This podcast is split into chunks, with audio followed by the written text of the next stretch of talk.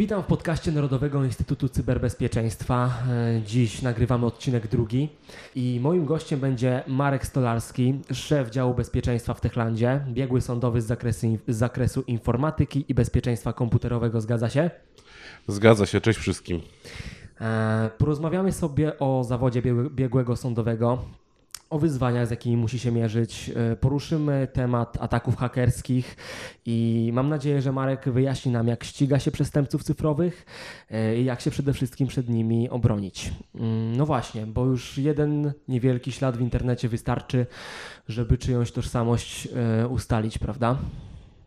To prawda, ale musisz pamiętać, że biegli sądowi nie ścigają przestępców. Robią to specjalne organy, takie jak policja czy prokuratura. Jasne, ale domyślam się, że masz również i w tym zakresie całkiem szeroką wiedzę. Wiesz co, no współpracując z jednostkami policji, prokuratury, prokuratury czy też sądami, to faktycznie ocieram się o te metodyki. Natomiast no, nie, jest to, nie jest to moją główną specjalnością. Biegły generalnie jest neutralny i musi być neutralny.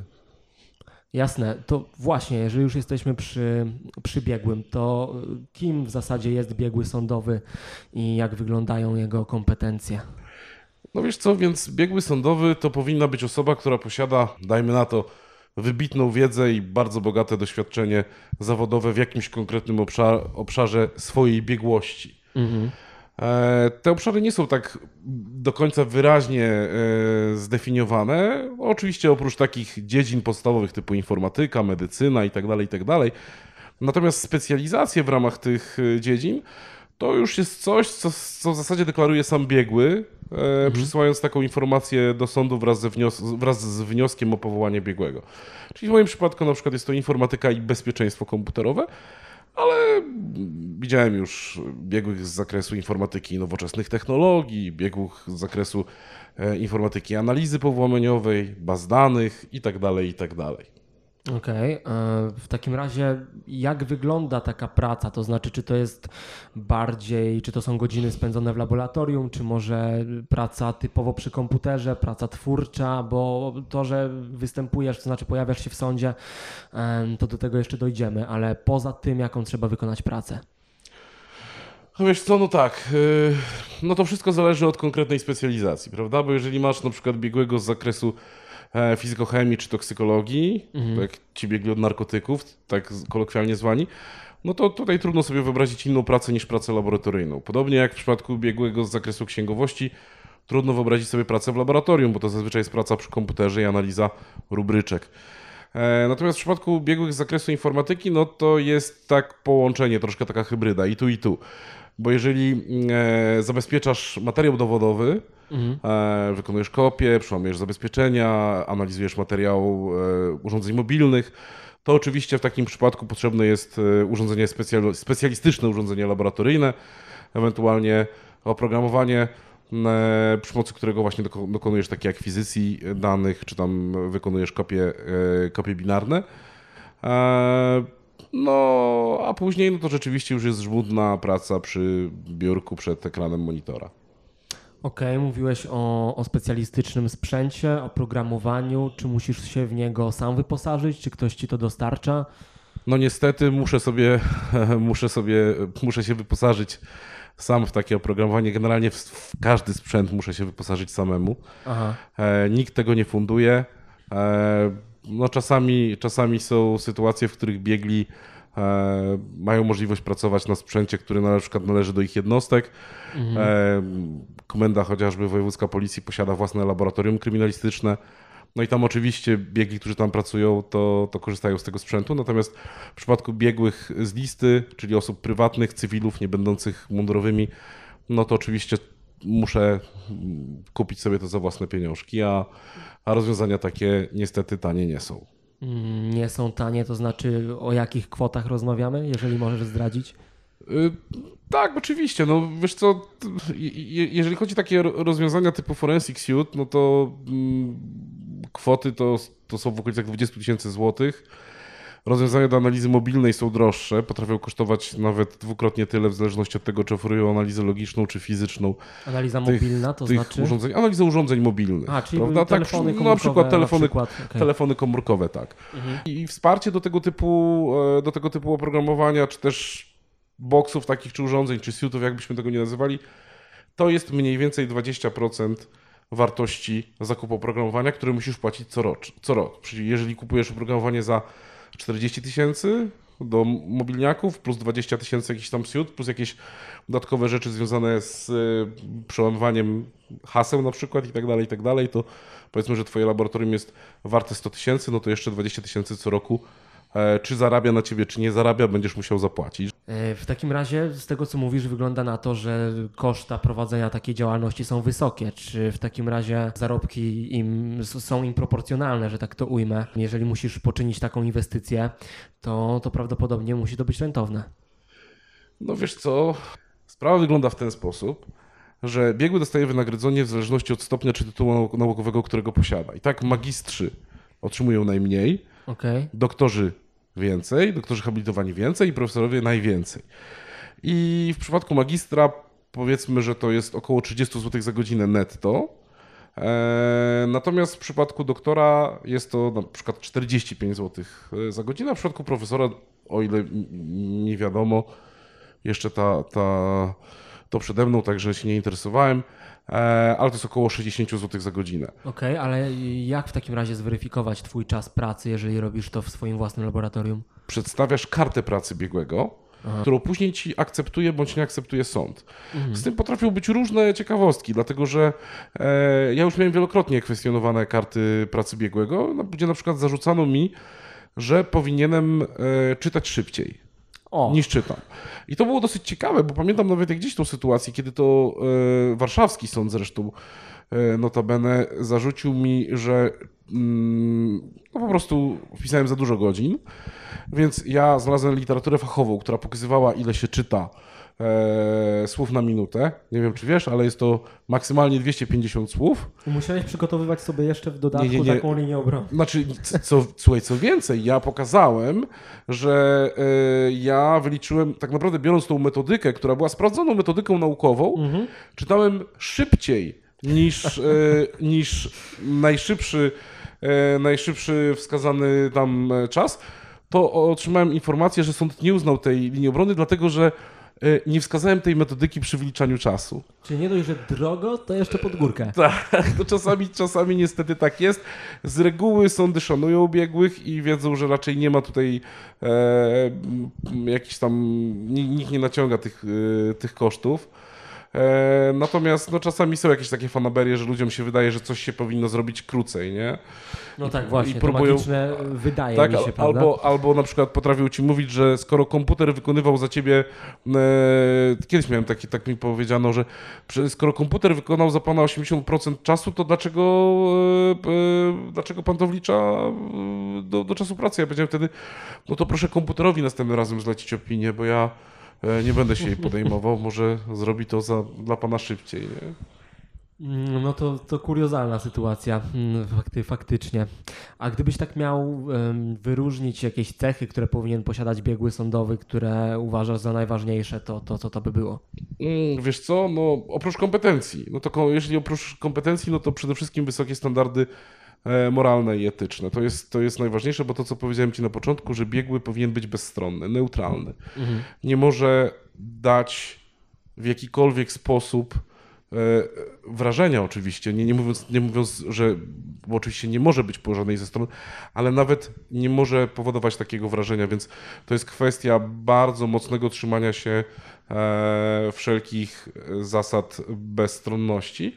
E, no i oczywiście no, fajnie jest, jak taki biegły dobrze się komunikuje i ma łatwość w przekazywaniu e, języka technicznego na język zrozumiały dla prawników, no bo sąd, który jest najwyższym biegłym, po to powołuje biegłego informatyka, żeby ten powiedział coś, co sąd zrozumie, bo to sąd na końcu podejmuje decyzję. Czasami, no niestety, no tak jak z wszystkimi ludźmi, są tacy, którzy mają łatwość tłumaczenia i trafienia do odbiorców, a są tacy, którzy mimo swojej ogromnej, olbrzymiej wiedzy, nie potrafią tego zrobić w sposób prosty. I, i potrafią e, w związku z tym mocno zawolować sprawę. Mhm, rozumiem, okej. Okay. Ale właśnie, no bo porozmawialiśmy sobie już o, tej, o tym systemie pracy te, poza sądem, ale jako biegły sądowy. Mm, pracujesz, y, znaczy musisz to wszystko przedstawić potem właśnie tej y, najwyższej instancji i jak oceniasz ten aspekt w twojej pracy? Tak, zdecydowanie to jest najtrudniejsza jej część. Oczywiście nie wszystkie, nie wszystkie sprawy, które mm, opiniuję na etapie przygotowawczym, czyli tym prokuratorsko-policyjnym, trafiają później do sądu, mhm. e, ale znaczna część trafia. E, no i wówczas musisz obronić po prostu tezy, które postawiłeś w tej opinii. No a co jest e, niefortunne dla ciebie, to że zazwyczaj jedna ze stron nie jest zadowolona z twojej opinii. No tak, tak zazwyczaj bywa, prawda? No tak. Ponieważ op, op, opinia powinna jednoznacznie e, przekazywać swoje stanowi e, przekazywać stanowisko. Czasami oczywiście się nie da tego zrobić, ale ale mm, w takiej sytuacji, w której jedna ze stron nie jest zadowolona, bo ta opinia nie jest, nie jest dla niej korzystna, no to wówczas ta strona próbuje w jakiś sposób E, przekonać sąd, że jesteś niekompetentny. To są takie slogany, które się zazwyczaj znajduje, że opinia jest błędna. E, jest też takie piękne określenie e, wewnętrznie sprzeczna. O, wewnętrznie sprzeczna to jest, to jest moje ulubione określenie. Zazwyczaj, zazwyczaj to podają adwokaci, którzy kompletnie nie zrozumieli tej, tej opinii, ale to się zdarza bardzo, bardzo często. No i, i co? I E, i no, musisz czasami dowodzić przed sądem po prostu, że nie jesteś wielbłądem. Ja pamiętam taką sytuację, no to już bardzo dawno temu, kiedyś e, sprawa dotyczyła przerabiania konsol. E, jeden z tych e, podejrzanych posiadał takie urządzenie, które się nazywało SPIR. To urządzenie to było dedykowane urządzenie, które mogłeś kupić na sklepie amerykańskim. Dokładnie było opisane, co ono robi, jak on robi, służyło do, do sczytywania kluczy sprzętowych. Mhm. E, no i wówczas adwokat e, zadał mi takie pytanie, czy to urządzenie nie może spełniać roli próbnika prądu elektrycznego. No wiesz, to było takie dosyć nietypowe pytanie. No, trudno mi było powiedzieć od razu, tak zastanawiając się, później zacząłem sobie analizować, czy może, czy nie może. ale gdyby adwokat chciał mi przedstawić, i tak zresztą podał taki, taki argument Wysokiemu Sądowi, że wiesz, jak rzeźnik ma nóż, E, no to nie, mu, nie musi tylko i wyłącznie siekać wołowinki tym nożem mhm. rzeźnickim, ale także może chcieć posmarować chleb, jeśli ma taką fanaberię. No i ten klient używał, wykorzystywał to urządzenie e, właśnie w takim konkretnym celu.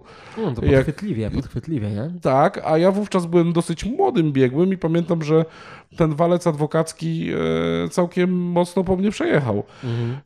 Ale wiesz, człowiek pożył trochę, nabrał doświadczenia, nauczył się jeździć walcem. Już teraz jest znacznie łatwiej. Okej, okay, no to tak, to duża inwestycja, żeby w ogóle móc wykonywać mm, taki zawód. E, bardzo dużo prób podważania Twoich kompetencji. E, w dodatku zawsze ktoś jest niezadowolony, więc tutaj przychodzi mi do głowy pytanie, dlaczego? Dlaczego to robić? Dlaczego być biegłym? Tak. No, wiesz co? E, ja akurat mam motywację dosyć osobistą. E, ponieważ byłem e, w młodości, za czasów studenckich, byłem świadkiem, e, w którym mój kolega został pokrzywdzony przez biegłego sądowego i w związku z tym miał problemy z prawem. Mhm. To był jakby taki dla mnie główny motywator do tego, żeby coś zmienić. I ja, że tak powiem, wychodząc ze studiów, już wiedziałem, że będę chciał w pewnym momencie zostać biegłym sądowym i troszkę ponaprawiać to, co tam zostało wówczas zepsute. No oczywiście cała machina poszła do przodu, więc e, biegli są coraz mądrzejsi, coraz bardziej, e, mają coraz większe doświadczenie, jest ten, ten poziom wejścia, wiesz, wiedzy pewnej, żeby wejść tak naprawdę, bycia biegłym, mhm. obniżył się dzięki większej świadomości ludzi, czyli wiadomo, jak wygląda metodyka prowadzenia pewnych badań. Kiedyś tak naprawdę, no ja tam jestem biegłym od roku 2007, no to wchodząc w, te, w to, nie miałem na przykład wiedzy, jak prawidłowo przygotować materiał dowodowy, taki, który dostajesz z policji. Musiałem mocno zacząć o tym czytać. Na szczęście miałem takiego swojego mentora, biegłego Solsztyna. Pozdrawiam Cię, Darku, bardzo serdecznie. E, który mm, skrócił mi ten próg wejścia i bardzo dużo opowiedział mi, e, wiele mi wytłumaczył, naprawdę oszczędził mi dużo, dużo pracy. Okej, no to y, w takim razie jak w ogóle biegłym zostać? Czy, czy miałeś szansę przejść w ogóle jakieś szkolenie z tego zakresu?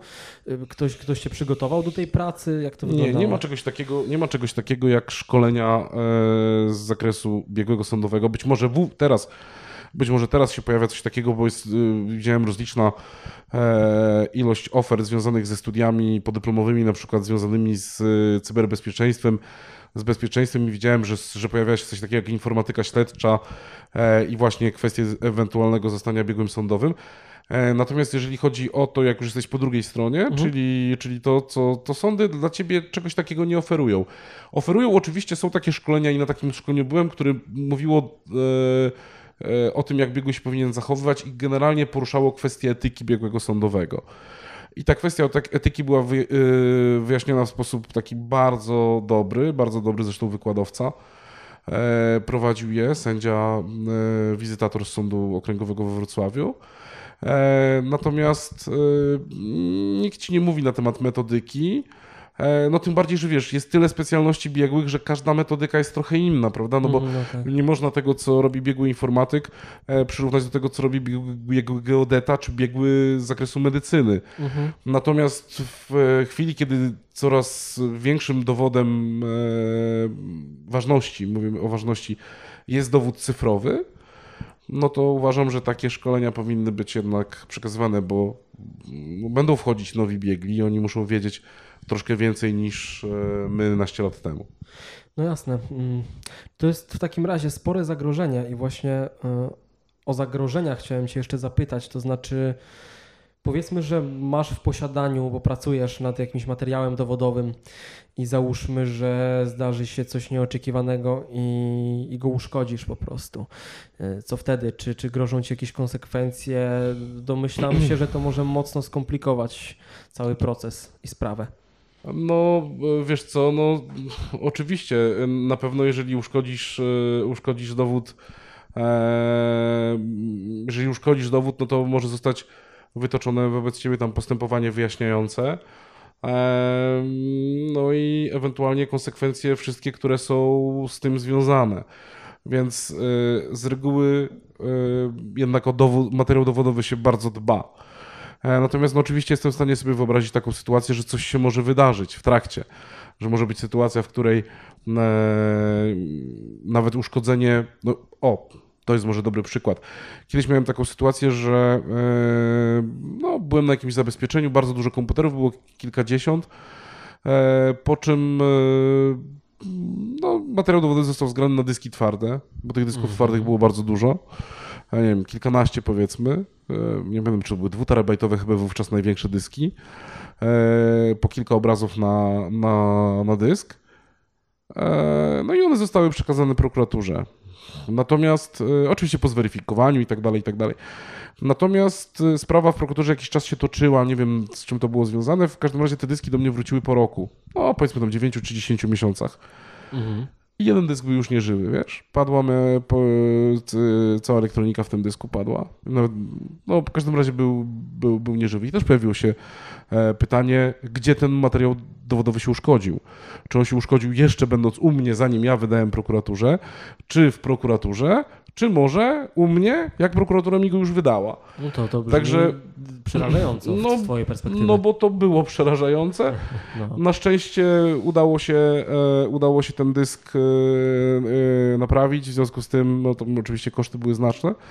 W związku z tym ta, ta sytuacja jak gdyby nie, nie rzutowała na, na tą integralność materiału dowodowego, ale, ale faktycznie no, było, to, było to problematyczne. Chociaż oczywiście, wiesz, y, spowodowanie uszkodzenia materiału dowodowego to jest jedno, ale tak naprawdę to, co jest najgorszą wizją e, przed biegłym, to jest to, jeżeli biegły się pomyli.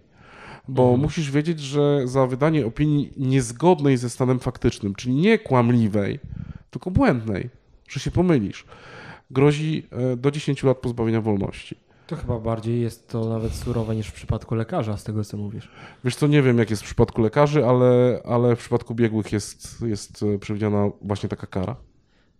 No to brzmi to na bardzo niewdzięczny zawód z tego, co, z tego, co nie zrobiłeś dobrej reklamy dla ewentualnych przyszłych No, biegów. no wiesz, no trzeba przede wszystkim uważać. y, To, trzeba uważać, trzeba dokumentować swoją pracę. Mhm. To jest też rzecz, którą, którą e, jedna z, który na- nacisk kładł właśnie ten mój mentor z bogatym, długim doświadczeniem, który mówił zawsze wykonuj fotografię, dokumentacja fotograficznego wszystkiego z każdej strony, żeby nigdy nie było sytuacji, że ktoś ci powie, że cokolwiek się wydarzyło u ciebie. No tak, to chociaż tyle można zrobić. No ale mimo wszystko brzmi to na dużą porcję wyzwań, takich przede wszystkim e, związanych z organizacją pracy i dyscypliną. E, a wobec Ciebie personalnie jakieś takie postępowanie dyscyplinarne się toczyło, czy, czy nie? E, Takie postępowanie, o jakim rozmawialiśmy, tego typu problemy nie. Mhm. Natomiast miałem, e, zostałem raz skreślony z listy biegłych w wyniku skargi e, przez pełnomocnika jednej ze stron, która zakwestionowała moją bezstronność. O.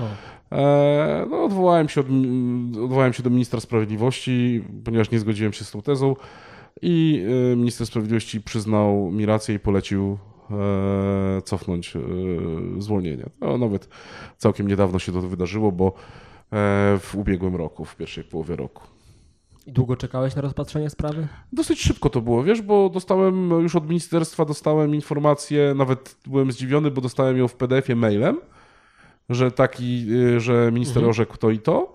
Natomiast y, samo pismo przyszło do mnie, y, przyszło do mnie no, chyba tam po dwóch czy po trzech tygodniach od, od tej pierwszej y, decyzji, a o ile pamiętam, y, minister miał na to 30 dni i dokładnie w tym czasie się wy, wyrobił, także... Okej. Także nie mogę tutaj złego słowa powiedzieć. Muszę nawet powiedzieć, że byłem e, zdziwiony, bo on oczywiście w nagłówku masz minister, natomiast to oczywiście No e, robi jakiś tam specjalista i zadzwoniłem nawet do tego działu, e, który się zajmował tymi sprawami. Bardzo kompetentna pani e, wiele rzeczy mi wyjaśniła, obsłużyła mnie, także muszę powiedzieć, że e, całkiem byłem zadowolony z tego, jak to zostało zrealizowane. Na No czas i sprawnie. Podpunkt parytetu dobrych wiadomości mamy odhaczony w takim układzie. E, to w takim, chciałbym za chwilkę przejść dalej, to znaczy porozmawiać ym, troszeczkę o, o bezpieczeństwie z perspektywy użytkownika, ale jeszcze no, nie mogę Cię nie zapytać o, o jakieś najciekawsze anegdoty i historie związane z Twoją pracą, bo domyślam się, że mogło być ich sporo. Wiesz co, anegdot faktycznie było sporo, bo jak na te ponad 800 opinii, które zdarzyło mi się w ciągu tych kilkunastu lat zrobić, no to myślę, że tak kilka procent dobrych to mogłoby posłużyć na anegdotę. Em, Z takich ciekawszych spraw, chociaż no, e, ze smutną sprawą są związane, bo z pornografią dziecięcą. Natomiast e, jedna była taka, że mm, e, no, był podejrzany, został przekazany jego komputer e, do analizy. e, I w tej wnikliwej analizie okazało się, że tak naprawdę człowiek jest niewinny. Po prostu jego świadomość na temat bezpieczeństwa komputerowego i w ogóle obsługi komputera była tak niska, że e, okazało się, że jakaś tam zorganizowana grupa e, wykorzystała jego komputer, po prostu instalując na nim usługę Warezu, takiego związanego z, e, z pornografią dziecięcą. Także to było dosyć e, mm, takie no, anegdotyczne, można byłoby o tym opowiadać. E, druga też sprawa, która mi się kojarzy również z pornografią dziecięcą, to to, jak re, realizowano akcję Interpolu, e, również na pedofilii. E, I tam była taka sytuacja, że e, oczywiście wiesz, tak to się odbywa, szósta nad ranem, pukanie do drzwi, puk. ktoś otwiera, Mhm. puk, puk, krzyki i tak dalej, i tak dalej. E, no i tam jakąś parę e, mm, zabrano, zabrano komputery. E, Oczywiście na komputerach nic nie było kompletnie, nawet nie wskazywały na, na, na żadnego tego typu skłonności. Czyli co, pomyłka? No właśnie, okazało się, że w momencie, w którym, w którym podało, podano lokalizację tego adresu IP, podał, to, podał go Interpol, no to wówczas był inny najemca w tym mieszkaniu, wiesz, i te, te dwie osoby dopiero, dopiero mieszkały od niedawna, tam od kilku miesięcy, akcja była wcześniejsza. No i e, no co, ktoś nie sprawdził, czy tam był, była zmiana e, lokatorów. No i no później oczywiście chyba złapano tego, tego, tą osobę, która wcześniej tam mieszkała. Podejrzewam, że sprawdzono, ale to już nie było, to już nie było w ramach mojej sprawy. Natomiast w ramach tego, co robiłem, e, tak to wyglądało. A pamiętam też taką sytuację, że mm, dostaliśmy takie postanowienie, e, z którego wynikało, że należy zabezpieczyć e, komputery wszystkich pracowników w danej firmie. To był w Warszawie.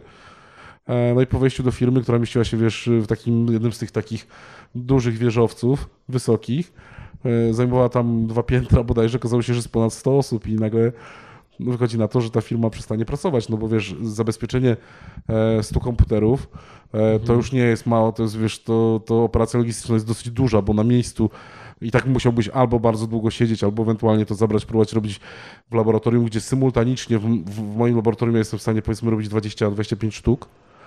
Eee, ale to oczywiście trwa, prawda? No to tak, i, tak, i, i, i, laboratorium mam we Wrocławiu, więc jeszcze przewieźć, zrobić, więc to jest i tak tydzień, powiedzmy, gdzie, gdzie trzeba byłoby y, unieruchomić firmę na firmę, która zarabia, która zatrudnia ponad 100 osób, przez tydzień, wiesz, musi zarobić sporo na, na, e, na ich obsługę i, i no ale pamiętam, że po przekazaniu przez policjantów prokuratorowi e, tej informacji, no to okazało się, że, że można jakoś tam ograniczyć tą liczbę podejrzanych i zabezpieczyć tylko ki, kilka z komputerów ze stu. Także tak to się, e, tak to się z, e, zrobiło. No to w takim razie chyba kamień z serca spadł osobom odpowiedzialnym za tę firmę. No tak, no bo wiadomo, to jest dla nich zawsze stres. Szczególnie jeżeli jest sytuacja, w której to pracownik zrobi jakąś, wiesz, nie, bo mówimy tu o takiej sytuacji, prawda, że, No tak, że tak. gdzieś tam jacyś pracownicy zrobili problemy, a nie, a nie zarząd y, firmy. E, Zresztą wówczas zabezpieczasz inne rzeczy. No. Pamiętam też takie sytuacje, kiedy e, pojechaliśmy e, na zabezpieczenie poza Wrocław, daleko i okazało się na miejscu po kilku godzinach, że materiał, który e, miałby być zabrany, jest objęty tajemnicą, e, no powiedzmy adwokacką.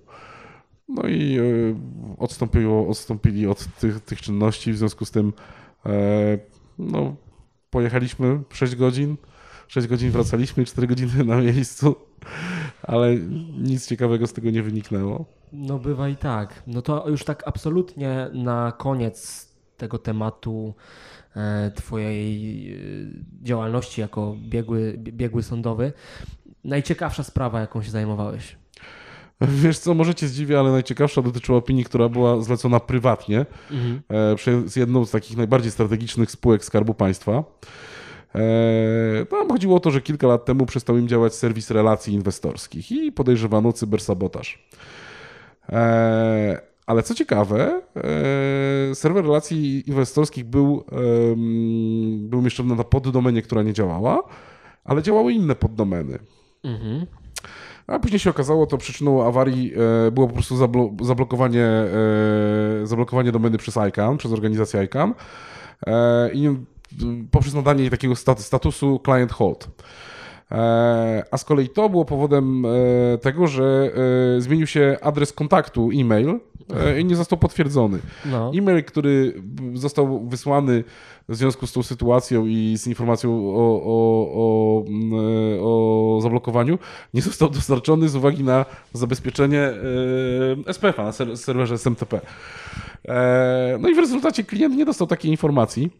E, Cała procedura też była załatwiona trochę, trochę nieudolnie, bo jak się później okazało, e, zbyt późna blokada w stosunku do dokonanej zmiany. Ona powinna zostać zrobiona wcześniej, w związku z tym, nie pamiętam już jaki tam był okres karencji, 21 dni powiedzmy. Nie, nie, nie, znaczy nie, nie chcę kłamać, bo nie pamiętam. Została zrobiona znacznie dłużej.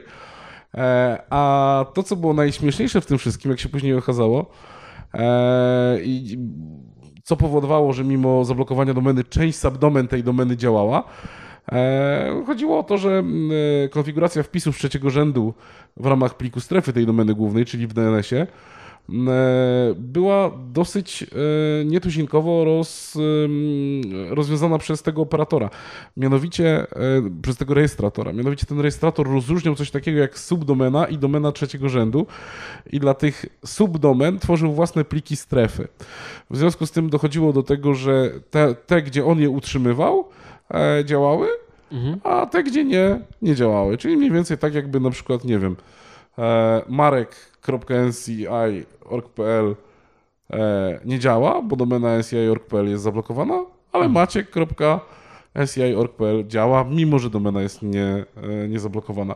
O. No, byłem dumny, jak to odkryłem, bo to było naprawdę, to było naprawdę trudne Ale to i coś. niektóre w takim razie sytuacje muszą faktycznie o kuriozum już zahaczać z tego, co mówisz. No, no tak, tak, bo tutaj po prostu rejestrator usunął plik strefy dla domeny klienta, ale nie usunął tych pojedynczych plików dla tak zwanych subdomen. No nie, to wyniknęło z tego po prostu jak, jak funkcjonował e, rejestrator. Czyli zazwyczaj się potwierdza ta taka teza, którą również postawiliśmy i e, można powiedzieć po części może nie naukowo i, e, i eksperymentalnie potwierdziliśmy w naszym poprzednim odcinku, kiedy rozmawialiśmy z chłopakami z Microsoftu, że e, przyczyna ataków wszelkiej maści i błędów bezpieczeństwa to są najczęściej ludzkie błędy. I to, to jest y, główny determinant tego, że coś jest nie tak z naszym e, sprzętem w efekcie. To znaczy, że kogoś, kogoś tam wpuścimy, bądź stanie się coś niepożądanego. E, I właśnie chciałem Cię poprosić, żebyś na podstawie być może swoich e, analizowanych spraw czy innych doświadczeń powiedział, jakie są na ten moment najmodniejsze, może najpopularniejsze wektory e, ataków cyfrowych. Wiesz co, e, no, wektory ataków się zmieniają na przestrzeni lat, e, jeżeli można mówić o modzie.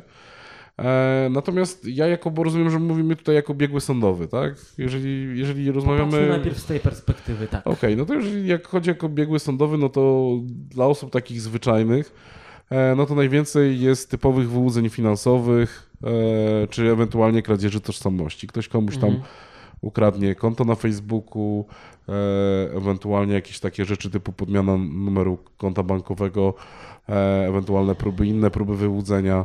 Blik i bardzo mo- modne były ostatnio te próby wyłudzenia. To szczególnie dotyczy osób fizycznych. To faktycznie często się przestępcom udaje, rozumiem. E, No udaje się, to prawda, no bo ludzie są naiwni, tak jak powiedziałeś. Czyli E, to jest kwestia bardziej, przepraszam, że, że wejdę ci w słowo, ale mm, chciałbym to podkreślić, bo uważam, że, że to jest dosyć istotne. To znaczy, większy problem leży w e, tym, że ludzie są nieuważni, czy w tym, że te zabezpieczenia od strony technicznej mogłyby być lepsze, Twoim zdaniem? Wiesz co, zawsze, zawsze na, o, o, najsłabszym ogniwem tego technologicznego e, łańcucha jest człowiek. Mhm. I, i, i, i, idąc za Bruce'em Steinerem, e, można, e, można p- powtórzyć, że e, jeżeli e, myślisz, że technologia e, jest w stanie e, zadbać o wszystkie Twoje problemy związane z bezpieczeństwem, rozwiąże wszystkie Twoje problemy z bezpieczeństwem, to nie rozumiesz problemu z bezpieczeństwem i nie rozumiesz e, technologii, nie? Mhm. Także faktycznie jest tak, że e, najważniejsza jest samoświadomość związana z bezpieczeństwem informacji. E, samoświadomość, którą należy pogłębiać, dlatego że rodzaje ataków się zmieniają. A technologia może być tylko narzędziem, Technologia jest zrobić. wsparciem, technologia Mm. jest wsparciem tego procesu, ale ona nie załatwi, no bo jak teraz widać bardzo modne ataki spear phishingowe, zresztą tych ataków phishingowych e, jest cała masa, ale A co to za ataki tak z informatycznego na nasze? No, to są, to są ataki, w których otrzymujesz na przykład e-maila, który, e, w którym ktoś się podszywa na przykład pod kogoś, albo e, i w tym mailu próbuje cię skłonić do jakiejś akcji, której normalnie byś Mhm, nie okej. wykonał. I widziałem mnóstwo takich spraw, w których przychodzą maile od prezesa do pani e, z płac, który mówi, e, w tym mailu pisze, słuchaj Jadzia, bardzo cię proszę, dla tego mojego klienta tutaj musimy zapłacić za fakturę tyle i tyle. I on wysyła, a pani Jadzia to płaci. No A później się okazało, okazuje, że ten mail wcale od prezesa nie przyszedł. A pieniądze z kolei a wyszły. pieniądze przycho- przychodzą. Oczywiście jakieś tam e, e, są sytuacje różnego rodzaju, nawet takie banalne, w której wydaje się zabezpieczone firmy potrafią mieć problem, kiedy e, powiedzmy przestępca przełamuje zabezpieczenia do konta kontrahenta i wysyła fakturę jako kontrahent z podmienionym adresem bankowym. I mimo, że są procedury, mimo, że e, w SAP-ie jest wpisany numer e, konta e, bankowego klienta wcześniejszy i aby ten numer zmienić, wymagana jest akceptacja tam dwóch osób i, i tak dalej, i tak dalej. To się okazuje, że cyberprzestępcy ponaglają, dzwonią pytają, proszą i wszystkim się czujność wyłącza i następnie zmieniają ten, ten numer i, i płatność wychodzi. No takie Czyli- sytuacje też widziałem, więc, e, więc to są... e, No, człowiek jest najważniejszy w całym tym organizmie i żadne procedury nie spowodują, że e, to się zmieni. To wdrożenie narzędzia- musi się odbywać w głowach, a nie na No. papierze. Narzędzia do przełamania zabezpieczeń technologicznych gdzieś oscylują w obszarze psychologicznym, z tego co mówisz, czyli te wszystkie sztuczki manipulacyjne, No, które inżynieria pozwalają... socjalna, tak, inżynieria Tak. społeczna jest potężną bronią od lat, tak, od Mhm. czasów Kevina Mitnika aż po czasy dzisiejsze. Jest to jedna z, z, z oczywiście mm, mocniejszych broni, którą dysponują cyberprzestępcy, poza oczywiście arsenałem wszystkich innych broni, tak. Mhm. A w jaki sposób, jeżeli oczywiście masz taką wiedzę, służby namierzają przestępcę, który dopuścił się czegoś, czegoś takiego? No wiesz co, to, to akurat jest w różny sposób robione. Ja akurat może nie do końca chciałbym odpowiadać na takie pytania, e, bo tak jak ci powiedziałem, no, obserwuję tą metodykę, natomiast nie jestem jej znawcą, więc Rozumiem. mogę narazić się na śmieszność próbując komentować, ale no, z, z przeróżnych e, form są zawiadomienia właśnie o popełnieniu przestępstwa, e, są działania operacyjne, które, które policja prowadzi e, i szuka e, takich potencjalnych e, możliwości. E, no chyba głównie, głównie tak to wygląda. Okej, to w takim razie y, pominimy może, może to, ale wielu obywateli, nawet którzy nie mają teoretycznie niczego złego na sumieniu, obawia się tej inwigilacji, y, o której jest tak głośno y, przez służby. Y, Może wiesz, w jaki sposób w takim razie postępować, żeby się nie dać inwigilować, żeby zachować tę prywatność, na której tak wielu osobom zależy z różnych względów. Tak. E, Nie należy popełniać przestępstw. To jest e, najprostsze.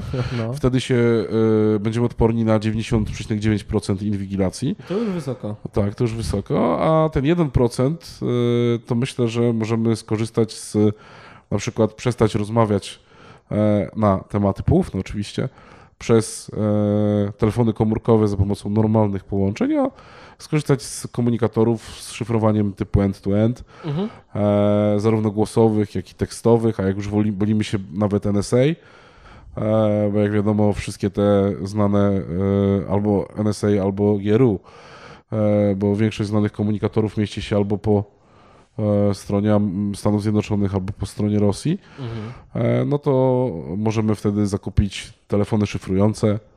Nawet polskie firmy produkują takie telefony. Kupujesz taką parę telefonów, wymieniamy się i odtąd prowadzimy bezpieczne rozmowy. Rozumiem, czyli mm, jak to jest Twoim zdaniem? Czy faktycznie służby lubią sobie podsłuchać przypadkowych obywateli, czy do tego jednak potrzebny jest dobry powód? Oczywiście to byś musiał zapytać Patryka Wegi.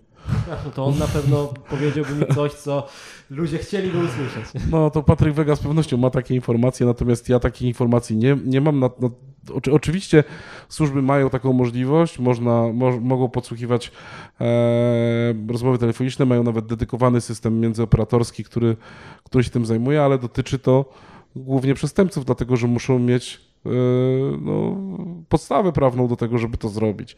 Mhm. E, Być może jakieś tam służby typu ABW, SKW, nie wiem, może mogą to robić w prostszy sposób, ale też uważam, że, że, że pewnie jakieś obostrzenia prawne e, są. Także wydaje mi się, że to jest jednak trochę dużo krzyku. Reasumując, nie popełniając przestępstw, jesteśmy najbezpieczniejsi w tej kwestii i nasza prywatność również. E, To może na koniec naszej rozmowy. e, Ja jeszcze ci wejdę w słowo. E, Z perspektywy mnie, jako Jana Kowalskiego, tak, czy Marka Stolarskiego, to tak właśnie uważam. Mhm. Natomiast oczywiście, jeżeli możemy wchodzić w kwestie związane z globalizacją inwigilacji i z inwigilacją jako powszechną metodą kontroli, to już zupełnie inna kwestia i to na zupełnie inną rozmowę. No, o tym można książki pisać, a co dopiero nagrywać podcasty. E, ale tak, chciałem Cię zapytać, właściwie poprosić o rozwinięcie odpowiedzi na pytanie, od którego tę rozmowę zaczęliśmy, bo zbliżamy się już nieuchronnie do końca. Mm, jak mały ślad w internecie wystarczy, żeby nas zidentyfikować, żeby być może wykorzystać tę identyfikację do kradzieży naszej tożsamości, do kradzieży naszych danych i jaka byłaby Twoim zdaniem może taka mała instrukcja higieny w sieci, żeby uniknąć takich sytuacji, nie narażać się na niebezpieczeństwo? Mhm. To zależy przede wszystkim od kontekstu i od aspektu prawnego. Eee, wiesz jak to jest. Zaczynasz od numeru adresu IP, tak? Eee, I możesz skończyć na numerze abonenta albo adresie przyłącza internetowego. Czasami e, twój profil społecznościowy, nawet jeżeli jest fikcyjny, postawicie, potraficie zidentyfikować to, co piszesz w mailach, potrafi cię zidentyfikować. Widziałem na potrzeby spraw informatycznych opinie biegłych psychologów, którzy potrafili po prostu z kilku maili szantażysty powiedzieć bardzo dużo na jego temat. O, Mówię o samej formie. Eee, unikatowy zestaw czcionek, który używasz, może, może cię zidentyfikować. A czasami te wszystkie rzeczy po kolei możemy mieć mnóstwo dowodów, które jednoznacznie wskazują, a się okazuje, że e, na końcu, że e, Wi-Fi było ogólnodostępne hmm. E, i wszyscy o tym wiedzą. Nie wystarczy. W związku, z tym, w związku z tym człowiek, który jest powiedziany, że to Wi-Fi powie, że to mógł być każdy przecież. No i faktycznie mógł to być każdy. Szczególnie jeżeli na jego na przykład komputerze nie, nie znajdujemy żadnych informacji. Albo wręcz znajdujemy informacje na komputerze, ale okazuje się, że w tym czasie była wielka libacja alkoholowa, wielka impreza, było 10 osób na tej imprezie i wszyscy twierdzą, że korzystali z tego komputera, bo puszczali playlisty na YouTube i wszyscy zeznają to jak jeden mąż. Wówczas również nie jesteś w stanie e, podać tego, tego sprawcy. Mówię z perspektywy teraz oczywiście mhm. biegłego sądowego. Natomiast e, jeżeli e, odpowiadając na twoje dalsze pytanie, no nie, czyli mm, co zrobić, żeby zachować anonimowość, no to mm, nie da się zachować anonimowości. Ja wiem, że to wszyscy powtarzają jak mantrę, że e, każdy w internecie jest kimś i nikt nie jest anonimowy. Ale taka e, podstawowa, że tak powiem. Tak, może... można stosować pewną mhm. higienę. Można tak. stosować pewną higienę, która zapewni ci wystarczającą dozę anonimowości. A i przede wszystkim to jest główna zasada, to jest myśleć, myśleć i jeszcze raz myśleć. Mhm. E, nie klikać wszystkiego, co się rusza, nie ściągać wszystkich, e, wszystkich załączników, w szczególności jeżeli nie pochodzą z, ze źródła, które jest zaufane. Korzystać z aktualnego oprogramowania antymalware'owego, antywirusowego. No i korzystać z anonimizacji połączeń typu Tor, e, szyfrowanych komunikatorów E, stosować szyfrowanie e, swojego komputera, zasobów swojego komputera, to mhm. bardzo ważna, ważna rzecz do, dotycząca zapewnienia poufności swoim danym. No nie wiem, możesz na przykład ograniczyć wysyłanie nagłówków typu user agent w swoich przeglądarkach, tak aby po drugiej stronie serwera nie wiedziano z, jakiej, z, z, z jakiego systemu operacyjnego czy tam przeglądarki przychodzisz. No, myślę, że, że na początek tyle w zupełności wystarczy. Czyli rozumiem, że w przypadku, kiedy nie jesteśmy przestępcami, to zwykłe włączenie przede wszystkim tej technologii najbardziej kosmicznej, czyli myślenia, a dopiero później e, kilka podstawowych narzędzi gwarantuje nam spokój i bezpieczeństwo. Tak, możesz jeszcze oczywiście zastosować najstarszą praktykę, która ci daje największe bezpieczeństwo. E, polega ona na tym, że odłączasz od e, sieci, e, sieci elektrycznej komputer i wyciągasz baterię z telefonu. To ci zapewnia bardzo dobre cyfrowe bezpieczeństwo. I tym pozytywnym akcentem myślę, że możemy zakończyć naszą dzisiejszą rozmowę. Bardzo Ci dziękuję. Proszę Cię uprzejmie, dziękuję Wam wszystkim. Do usłyszenia w następnym odcinku. Hej. Cześć.